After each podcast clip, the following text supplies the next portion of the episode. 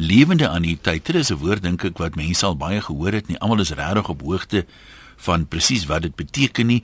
Baie mense maak foute daarmee en uh, ons sal so 'n paar vrae gesels met uh, uh, Janet Maree, sy is die direkteur van Ellen Gray en dan uh, Jan van Wyk van uh, PSG hier by my. Miskien moet mense sommer heel voor begin Janet, ek meen dit ons weet waarvan praat ons. Wat presies is 'n lewende anniteit en wat maak dit nou anders as 'n uh, ander anniteit, die ou ou tipe anniteite?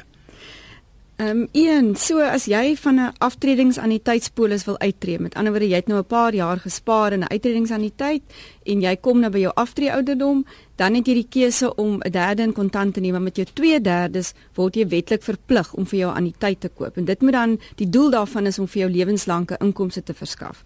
Nou die ou anniteite waarvan jy praat, is basies word basies uitgereik deur meestal deur 'n uh, uh, versekeringsmaatskappye en daar's daar's 'n paar verskille tussen dit en 'n lewende anniteit. En met miskien net so vinnig 'n lewende anniteit Ehm um, eerstens is is die die een voordeel wat jy het is dat jy jou eie inkomste kan kies tussen 2.5% en en 'n maksimum van 17.5%. So jy het jy het meer keuses. Tweedens het jy ook buigbare keuses onder in terme van jou onderliggende fondse. Met ander woorde, jy gee nie net jou hele bedrag vir die versekeraar en hulle verskaf vir jou 'n gewaarborgde inkomste nie. Jy het heelwat meer keuses, is heelwat meer buigbaar. Um jou kapitaalgroei is belastingvry, die volle bedrag is vererfbaar by dood. Dis 'n groot verskil tussen die ou anniteite en en lewensanniteite, want dit beteken as jy nie al jou kapitaal opgebruik het as inkomste teen teen die tyd dat jy te sterwe kom nie, dan is daar iets wat jy in jou beroep kan kan nalaat.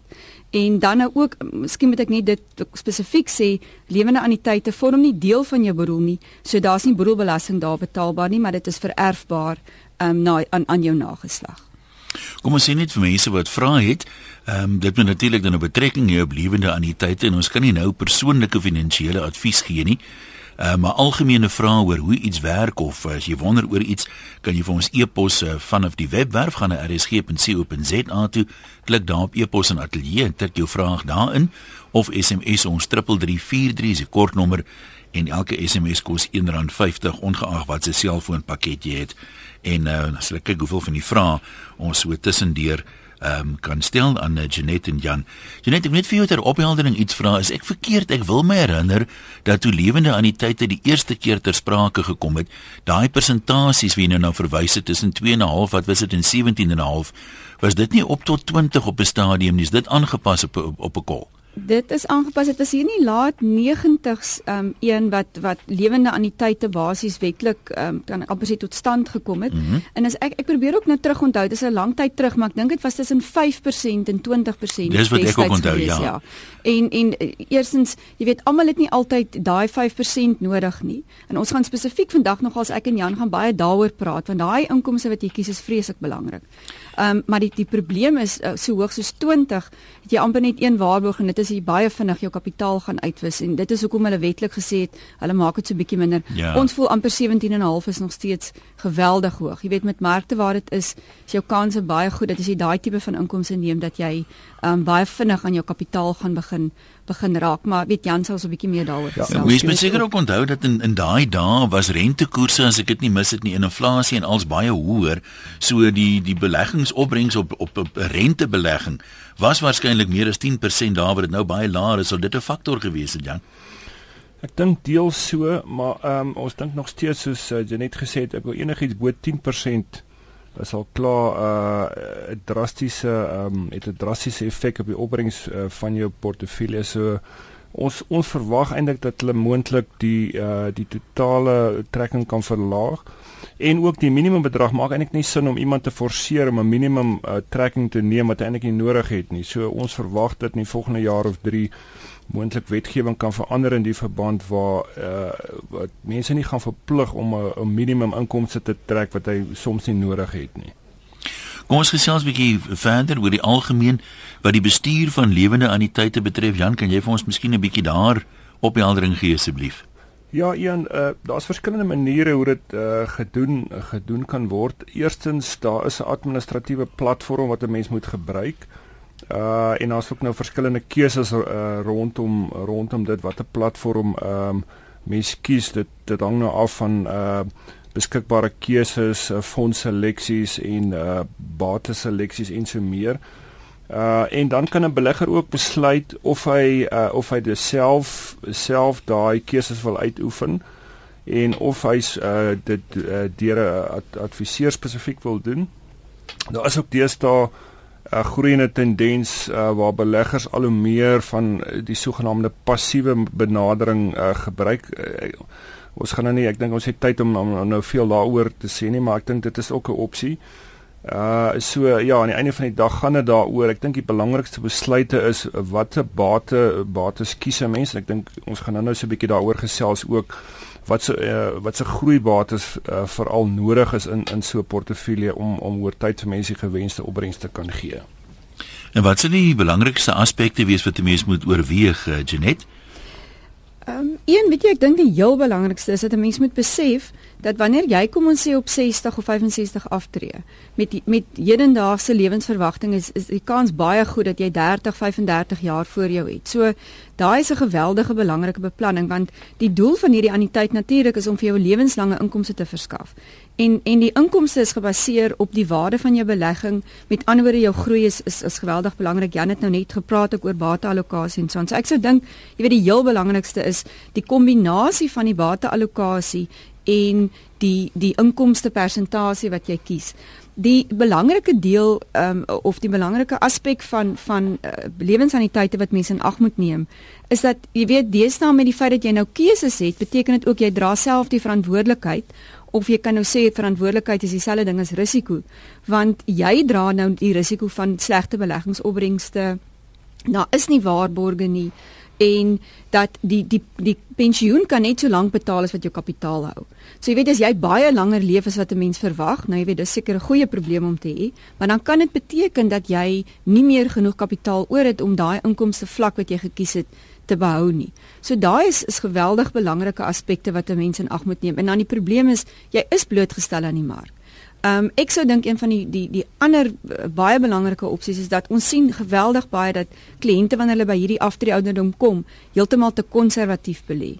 Jy weet so jy moet groei bates in jou allocasie insluit. Anders weet inflasie is 'n geweldige groot vyand wat jy het wanneer jy dink jy 30 jaar voor jou om die koopkrag van jou inkomste sowel as die groei van jou kapitaal te beskerm. Jan, wat sê jy is die mees algemene foute wat mense maak? Uh, ek dink Janet het so geraak daaraan om miskien te hoog te begin, te veel te onttrek. Ehm uh, dit ons wil dalk te lekker afdrie of wat jy sê is die is die mees algemene foute. Ja, uh een daar's daar's 'n hele klompie wat ons wat ons sien soos jy het soos jy gesê het een is die onttrekkingskoers uh, is te hoog vir 'n begin. Uh ons dink dat uh, ons gebruik maar as riglyn by, by ons kliënte so so 4 of 5% af uiteraard hang nou af van van ouderdom. Uh uh hoe ouer 'n mens is en hoe korter jou lewensverwagting uiteraard kan mens effens 'n hoër persentasie trek maar ons dink 'n 'n langtermyn volhoubare trekking is so 4 of 5% van van die kapitaal. Uh so eerstens sien ons dat uh dat daar hele klomp kliënte 'n hoër trekking uh aanvra. Nou die probleem daarmee is dat jy um as gevolg van inflasie moet 'n mens dan elke jaar 'n verhoging in inkomste kry. En die enigste manier hoe jy dit kan regkry is deur jou trekkingspersentasie dan te verhoog elke jaar. En die oomblik as jy begin ophardloop hier na 8, 9, 10% toe, dan is dit bloot maar net 'n wiskundige feit dat jy daai kapitaal binne 'n 10 jaar periode uitput. So die sleutel van die eh, van die uh die beplanning is dat 'n mens 'n realistiese persentasie mee begin en dan hou by dieselfde persentasie. Maar die uh die inflasie aanpassing gebeur dan eintlik outomaties deurdat jy 'n verhoging in kapitaal kry. So ek dink die belangrike ding is jy moet jou persentasie trekking nie elke jaar opstoot nie. Nou daar's 'n klompie ander goeders wat ons ook sien wat ehm um, strikke wat wat beleggers uh gereeld intrap. Een is ehm uh, uh sogenaamde market timing of tydsberekening as 'n mens nou vreeslik en mens sien uh baie word geskryf vandag oor die oor die uh, vlak waar ons waar die JSE staan en markte in die algemeen is is duur en is nie goedkoop nie en uh die versoeking is dan altyd om die kapitaal te skuif na veiliger hawens en en en meer meer kontant instrumente in die beleggings in te plaas. Die die probleem daarmee is dat dat 'n mens in die proses uh probeer voorspel wat gaan gebeur in markte en ons ons waarsku maar mense en sê moenie moenie dit doen nie. Belangriker is om 'n goeie strategie te formuleer en dan daarbey te hou. Nou, as ek sê dit is maar van die groot uh, groot foute wat ons sien beleggers maak. Daar is ook natuurlik anders goed soos bateallokasie. Uh Janet het vroeër genoem van portefeuilles wat of te konservatief ge uh, saamgestel word uh, hoofsaaklik in inkomste tipe fondse, geldmarkfondse belê. Nou ehm um, soos ons gesê het, inflasie is eintlik maar die groot gogga wat 'n mens byt oor tyd en as 'n mens te konservatiewe uh, strategie volg, dan die probleem wat 'n mens daarmee sit is dat jou kapitaal nie genoegsaam groei om jou te beskerm teen inflasie nie. So oor 5 of 10 jaar sien ons dat uh, as gevolg daarvan dat mense nie genoegsame groei nie in die portefeulje het dat 'n mens uh, eintlik jou koopkrag verloor en jou pensioen nie kan tred hou by by inflasie nie. Nou, watter persentasie van die lewensanniteit portefeulje behoort 'n mens aan in groeibates te belê? Nee, maar 'n mens dink seker eerstens aan aandele daar om wel tred te hou. Net wat sou jy sê is daar 'n algemene riglyn? Ehm um, ja, ja, ek is baie bly Jan het gepraat van 4-5%. Ehm um, ons het uh, geweldig interessante navorsing wat ons gebruik en wat eintlik presies bevestig wat Jan sê. Nou, miskien so 'n bietjie agtergrond. Asseblief. Hier in die vroeë 1990s, 94 rond, het 'n Amerikaanse navorser met die naam William Bengen net 'n klomp navorsing gedoen oor die Amerikaanse mark. En hy het basies 'n paar aannames gemaak en gesê, jy weet kliënte leef gewoonlik min of meer 30 jaar wanneer hulle nou by aftrede kom en hy het gegaan en hy die Amerikaanse mark gaan terugwerkend na die mark gaan kyk van 1920 af en hy het gesê elke 30 jaar periode van 1920 af en dan van 1921 af ensovoorts tot dit nou in die, in die vroeë 90's was. Wat was die die beste bateallokasie om vir jou 'n 4% inkomste te kon handhaaf? En basies het dit daarop neergekom dat oor daai hele periode 'n um, minimum 50% blootstelling aan die aandelemark um 'n absolute moet was om 4% inkomste te kon te kon vashou. Maar nou daar's mis een of twee voorwaardes. Die een was dat jy moes aan die begin jou 4% inkomste kies, maar dan moes jy daai randbedrag vashou en hom net elke jaar met inflasie laat groei. Met ander woorde wanneer jy in jare baie beter opbrengs gehad het, dan jy daai ekstra bietjies teruggesit in jou kapitaal, jy het dit nie as mm, inkomste mm. getrek nie. Nou ons het oor die laaste tyd dit ons presies dieselfde navorsing oor die Suid-Afrikaanse mark gaan gaan doen Nou ek dink in 94 het dit vir William Bengen weke gevat het dit ons 'n paar ure gevat om dit met ons mark te doen met met rekenaars en so aan. En ons het dit gaan doen terugwerkend tot 1900 vir die Suid-Afrikaanse mark. Ook enige 30 jaar periode en ons het gesien dat as jy jou 4% inkomste neem, jy hou, hou jou randbedrag vas, jy groei met inflasie elke jaar, dan moet jy vir ons mark ten minste 55% in aandele gehad het. En jy weet dis nogal 'n hoë persentasie. Ons vind regtig baie dat kliënte sê ek is nou by aftrede nou sit ek alles in kontant. So ten minste 55% moes jy hê om jou 4% te kon handhaaf. Nou die probleem is baie kliënte kom by aftrede en daai 4% is nie vir hulle genoeg nie. Jy weet en dit dit is 'n baie moeilike situasie dan um, om na te kyk en ek meen dis hoekom daar mense soos Jan is wat dan spesialiseer om dan nou vir jou vir jou daai advies te gee en te help met daai keuses wat jy moet maak. Net vir luisteraars sê stuur gerus die vrae. Ek dink ons gaan uh, so oorsig gee, 'n paar vrae vra en dan kyk ons hier teen die einde van die program spesifiek na luisteraars se vrae. As jy kan dit e-pos van die webwerf rsg.co.za klik daar op e-pos en ateljee of SMS dit vir ons 3343. Dis die kortnommer. Elke SMS kos R1.50. Jan, mens lees nou baie, jy weet, dat ouens sê die mark is hoog, die mark is duur.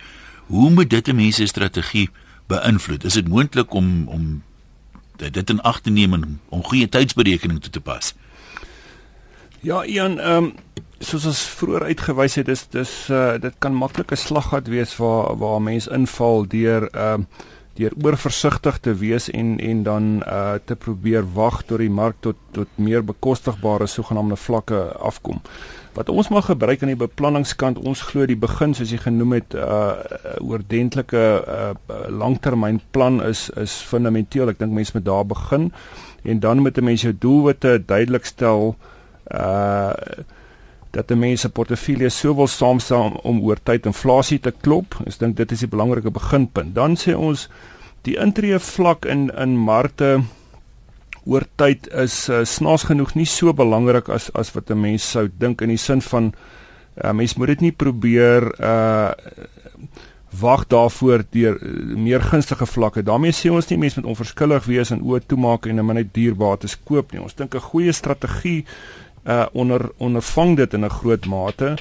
Uh maar soos jy net gesê het, ons dink mense moet uiteindelik altyd 'n minimum vlak groeibates in die portefeulje in hê. Daar sal sekere stadiums wat wees waar mense 'n uh, bietjie meer uh, noem dit nou maar meer aggressiewe bateallokasie sal hê, 'n hoër vlak aandele byvoorbeeld in die portefeulje sal hê, maar mense sal altyd 'n sekere minimum vlak hê om om daai inkomste te kan volhou. So uh Warren Buffett het vroeër in die jaar in in sy uh, brief uh aan aandeelhouers geskryf dat ehm um, dit lok spesifiek oor hierdie vraag gehandel, een van die vrae wat hulle hom gevra het. Toe sê hy sy woorde was uh it's a waste of time om te probeer voorspel wat 'n markte gaan gebeur en op grond daarvan 'n uh, 'n strategie te formuleer. So ons sê dis belangriker om 'n strategie aan die begin ehm uh, te kry wat 'n mens kan hou by uh en dan wat die bateallokasie self aanbetref ons hou van 'n strategie waar daai besluite oorgelaat word aan aan fondsbestuurders om deurlopend te kyk na waardasiese markte en op grond daarvan uh die uh die groeibates te verhoog en te verlaag, maar dat ons nie in die strik trap om te probeer uh, geld fisies heeltemal uit die mark uit te skuif nie, maar altyd die blootstelling te behou. Ja, nou as jy mens net so kyk, daar's tog sekere aandele of sekere kategorieë aandele wat uh, beter waarde bied as ander, so ek neem aan dit word ook maar voortdurend in ag geneem. Absoluut. So ons sê ons ons ons doelwit is altyd maar om inflasie te klop en uh oor 'n periode te klop. So ons sê dit is belangrik om dit in jou aanvanklike beplanning en jou tydshorison raamwerk in te werk. En dan is dit nie so uh, deurslaggewend oor tyd op watter vlakke mense in die mark ingegaan het nie, maar ek dink die strategie wat 'n mens uh, aanvanklik op besluit het, ek dink dit is die belangrike ding dan. Ons gaan nou nou by 'n paar van die algemene vrae van luisteraars kom. Het jy algemene raad oor die algemeen vir beleggers Janet voor ons daar kom? Wel, een, jy weet, mens moet versigtig wees. Ek is nie gekwalifiseer om advies te gee nie. Ehm um, anyway, ek uh, ja, kom ek sê twee dinge wat ek dink ek uh, spesifiek belangrik is. Die eerste een is hierdie is komplekse keuses en opsies wat 'n mens moet uitoefen dis belangrike besluite jy want jy moet dink aan jou inkomste, jy moet dink aan jou kapitaal. Jy weet 'n halfuur is nie naaste my genoeg om vir 'n kliënt werklik al die inligting te gee wat belangrik is nie. So ek dink ehm um, die belangrikste advies van my kant af is gaan kry vir jou iemand soos Jan, gaan kry vir jou raadpleeg 'n goeie onafhanklike adviseur. Um, Ellen Gray glo aan die waarde van onafhanklike advies. Ons ons glo daaraan dat 'n goeie adviseur vir jou op die langtermyn baie baie goeie bydrae kan maak om die regte keuses te maak. En jy weet dis ook om om jou op koers te hou. Daar's tye wat 'n mens bekommerd raak oor wat in die mark aan die gang is. Daar's tye wat jy dalk sien dat die mark nie genoeg gegroei het om vir jou jou kapitaal te beskerm nie. Dis waar 'n goeie adviseur inkom. So ek dink dis my eerste stukkie advies en tweedens sou ek sê wees baie versigtig wanneer eh, 'n uh, ding te goed klink om waar te wees, dan is dit. Jy weet 'n mens ons kry daagliks te doen met kliënte wat gevang word deur onrealistiese beloftes. Ehm um, al hierdie snaakse planne wat vir jou allerhande goed waarborg, is baie keer nie as die papier werd waarop dit geskryf is nie. Maak seker nadat jy jou adviseur gekies het dat die maatskappy met wie jy besigheid doen, 'n langtermyn um, geskiedenis het, dat jy weet met wie jy besigheid doen. Wees baie baie versigtig wanneer mense vir jou waarborge voorhou wat op die eind eintlik werklik niks beteken nie. Ons het nou gepraat van weet mense wat al hoe langer leef, 30 jaar na aftrede en so aan. Maak dit dan nie Ek weet werk is nou skaars in Suid-Afrika en ongelukkig word baie mense gevra om vroeg af te tree. Dis ook 'n hele onderwerp op sy eie. Maar in Australië verstaan ek is die, die algemene aftree ouderdom verleng van 65 af na 70 toe. Is dit 'n goeie ding Jan sodat jy by ons kan werk in Suid-Afrika? Ja, uh Ian, ek dink dit is as gevolg van uh is iets maar wat wêreldwyd 'n tendens is dat dat die aftree ouderdom ook in Europa uh ver, verleng word om so sodoende uh mense eintlik te forceer om om langer uh, te voorsien hulle inkomste behoeftes voordat hulle van sy aftrekkapitaal hoof hoof te gebruik.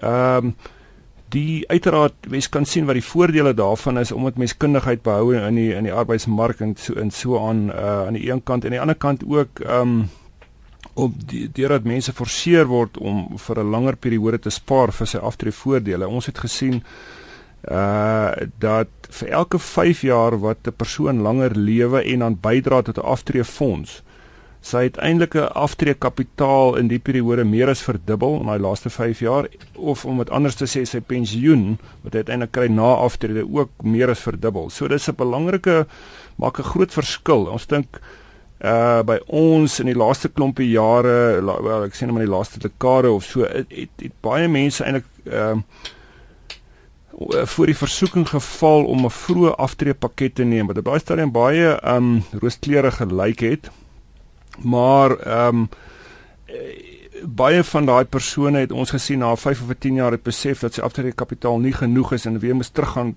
terug probeer gaan in die in die arbeidsmark en so Ons dink dat uh bloot vanuit 'n uh, uh aftreebefondsing gaan dit baie voordelig kan wees. Nou uiteraard of 'n mens langer sal kan werk gaan afhang van goed soos gesondheid en 'n hele ja. klompie ja. ander goeters ook, maar ehm uh, in in beginsel dink ek uh, dit is iets wat 'n mens ook ook by ons uh sal sal moet oorweeg waarskynlik as gevolg van uh verskillende redes en uiteraard dit kan die aftreevoorsiening uh probleem baie verbeter. Ek was kyk na 'n paar van die algemene vrae.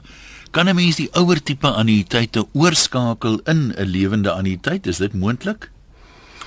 Ja, uh een wat 'n mens uh soos jy net in die begin gesê het, die die lewensannuïteit is is basies een voertuig wat 'n mens gebruik uiteindelik om al jou aftreeprodukte in te konsolideer. So dit sal nou wees goed soos jou tradisionele uh uitreaniteite wat oor 'n hele lang tydperk kom. Dit kan bewaringsfondse wees. Dit kan ook uh, uitkerings uit pensioen en voorsorgfondse wees. So die die lewensanniteit is is basies jou uiteindelike voertuig waaraan al die aftreefondse ingekanaliseer word waar dit mense dan maandelikse inkomste trek dan. Jan, kan ek iets byvoeg? Asseblief. So as 'n mens uh, op die oomblik 'n uh, tradisionele vaste anniteit het, dan kan jy dit wel omskakel. Dit is 'n redelike administratiewe proses, maar jy kan dit wel omskakel. Hulle hulle noem dit 'n section 135. Ehm um, skus ek gebruik die Engels, maar dis nou maar hoe die hoe ons daarna verwys, maar daar is 'n omskakeling wat jy wel wetlik toegelaat word om dit dan na lewende anniteit toe om te skakel. Geneties ek weet daar is baie verskillende fondse en so aan, maar hier is altyd baie mense en dis 'n hele paar wat vra Wat sou nou min of meer 'n gemiddelde koers wees eh, wat die lewende anniteite kom ons sê oor die laaste 5 jaar of 10 jaar gehandhaaf het? Kan jy vir ons enigstens van julle fondse 'n voorbeeld byvoorbeeld noem wat se tipe opbrengs kyk 'n mens na? Wel natuurlik dit hang absoluut af van die fonds, die onderliggende fondse wat jy kies. Ehm um, ek meen Jan is waarskynlik beter gekwalifiseer want ek dink jy weet 'n mens moet oppas om net een fonds te kies. Dit is gewoonlik maar 'n kombinasie van 'n portefeulje. So Jan, miskien moet moet jy daai help, jy weet die gemiddelde portefeuilles waarna jy kyk waar jy fondse kombineer, wat die opbrengs daarvan is. Ek dink die die die vraag wat mense basies vra is wat is haalbaar? Jy sê nou is dit te goed is om waar te wees, dan is dit te goed, maar kan 'n mens hoop vir 10% byvoorbeeld of is dit te goed om waar te wees? Ja, uh, Ian, ek dink uh, wat 'n mens hierse moet sê is dat 'n mens omdat mens werk meestal met pensioengeld uh ons het gepraat van die minimum vlak van groeibates wat 'n mens graag in die portefeulje wil hê en behou oor tyd. Is dit uh, is dit tipies geld wat 'n mens redelik omsigtig mee moet omgaan aan die ander kant. So uh, mens kan nie bekostig om ook te aggressief te wees binne 'n aftreeportefeulje soos 'n lewensanniteit nie. So ek dink dit is maar die eerste punt wat ek wil maak. So mense kyk meer na 'n tipe van 'n gebalanseerde portefeulje. Ons gebruik ook as ruggraat in in ons uh, portefeuilles gebruik ons die sogenaamde uh, gebalanseerde uh, fondsbestuurders. Ellen Gray het self ook 'n uh, baie goeie fonds, uh, een van die groot gebalanseerde fondse wat baie goeie prestasie oor 'n baie lang tydperk gelewer het. Uh dit was die eerste opmerking. Tweedens, ek dink die laaste klompie jare het ons bietjie bederf geword met ehm um, met uitstekende opbrengste vir al die laaste jaar en 2 3 ook die laaste 5 of 10 jaar het ons het ons baie goeie opbrengste gehad om verskillende redes. Uh ek dink nie meer ek dink mense versigtig wees om daai tipe van opbrengste vooruit te projekteer en te aanvaar ons gaan dieselfde tipe opbrengste sien. In die tipiese gebalanseerde portefeuilles dink ons dat ons ons uh doelwit doelwit prestasie teikens wat ons stel is so inflasie plus 4 kom ons sê dit is dubbelsyfer groei in in vandag se taal as 'n gemiddelde tipe van groei glo ons is realisties haalbaar. Maar ek dink ons moet versigtig wees uh die hoër opbrengste wat ons gesien het in die laaste klompe jare van 15% plus en so aan. Ons dink dit is uh, uh, uh volhoubaar as gemiddelde tipe van groei nie. Dan vra iemand hier in die ou annuïteite was daar verskillende opsies se mense dit het of tot 'n einde gekom by die afsterwe van die langslewende uh, of daar kon was blykbaar opsies gewees waar jy dit in jou boedel kan dit vererf het aan jou kinders. Is daar sulke opsies by die lewende annuïteit ook? En dan vra iemand hier spesifiek as daar is moet hulle aangaan met die annuïteit of kan hulle dit in kontant in 'n enkel bedrag omskakel as hulle dit dan nou erf by jou? Ja, daar's verskillende opsies. Deesdae mense mense het wel 'n opsie die uh die beginsigtes of langlewendes het wel 'n opsie om om die uh die anniteit as 'n enkel bedrag te laat uit uitbetaal. Uh of mens kan bloot voortgaan en uh en die inkom voortgaan met die inkomste trekking aan die anniteit. So daar's daar's 'n hele paar opsies wat uh wat die erfgename het uh, wat hulle kan uitoefen. So die belastingssituasie dieselfde wees uh, vir die erfgenaam as vir die persoon wie se anniteit dit was. Ja, in terme van belastingvrye betalings en so aan. Ja, kyk, uh, daar gaan daar gaan belasting ter sprake wees as as die bedrag as 'n enkel bedrag onttrek word hmm. en so ook as dit uh, as 'n maandelikse inkomste word dan verreken teen teen uh saamgevoeg met sy sy ander belasbare inkomste. Ja, dis min of meer alwaar ons gaan tyd hê vandag so laaste paar opmerkings dalk ten slotte van jou Janet asseblief. Ja, miskien so vinnig ek ek gaan vir George Foreman, die voormalige wêreldswaargewig kampioen, gaan ek hier aanhaal en hy het gesê die vraag is nie op watter ouderdom ek aftree nie, maar teen watter inkomste en ek dink ek sal volstaan daarbey. Kan jy mens nou vragies nie, maar sê jy ons is dom boksers, die manne is pap geslaan, hoor net daai woorde van 'n swaargewig bokser, dit maak vir my baie sin. Jan van jou kant af? Ja, miskien net so 'n laaste opmerking of twee. Een, dankie. Uh sê ek dink die belangrike ding van hierdie is uh, dit is 'n lang langtermyn uh proses wat 'n mens besig is. So dit is nie 'n eendag wedstryd, dit is 'n 5 dag wedstryd. So ons het 'n paar keer beklemtoon dat 'n goeie strategie en 'n 'n plan, dis dis waar alles maar eintlik begin uh, aan die einde van die dag. Ehm um, En dan sê ons ons ons waarsku ook maar net uh, besop om emosionele besluite rondom beleggings te neem. Ek weet mense kan baie keer aangesuig word as mens baie negatiewe kommentaar uh, lees en gebombardeer word daarmee, maar uh, ons sê maar net uh, besop dat 'n mens nie emosionele besluite op op grond daarvan neem nie en ehm um, so ek sê ja, ek wil maar net beklemtoon dit is 'n langtermynproses en is 'n langtermyn uh strategie wat 'n mens moet hê. Ja, ek sê baie dankie aan eh, jou daar in die Kaap, eh, Janet Maree, direkteur van Ellen Gray en hier by ons in eh, Johannesburg Jan van Wyk van PSG Silver Lakes. Dankie, sterkte vorentoe. Dankie Jan. Baie dankie.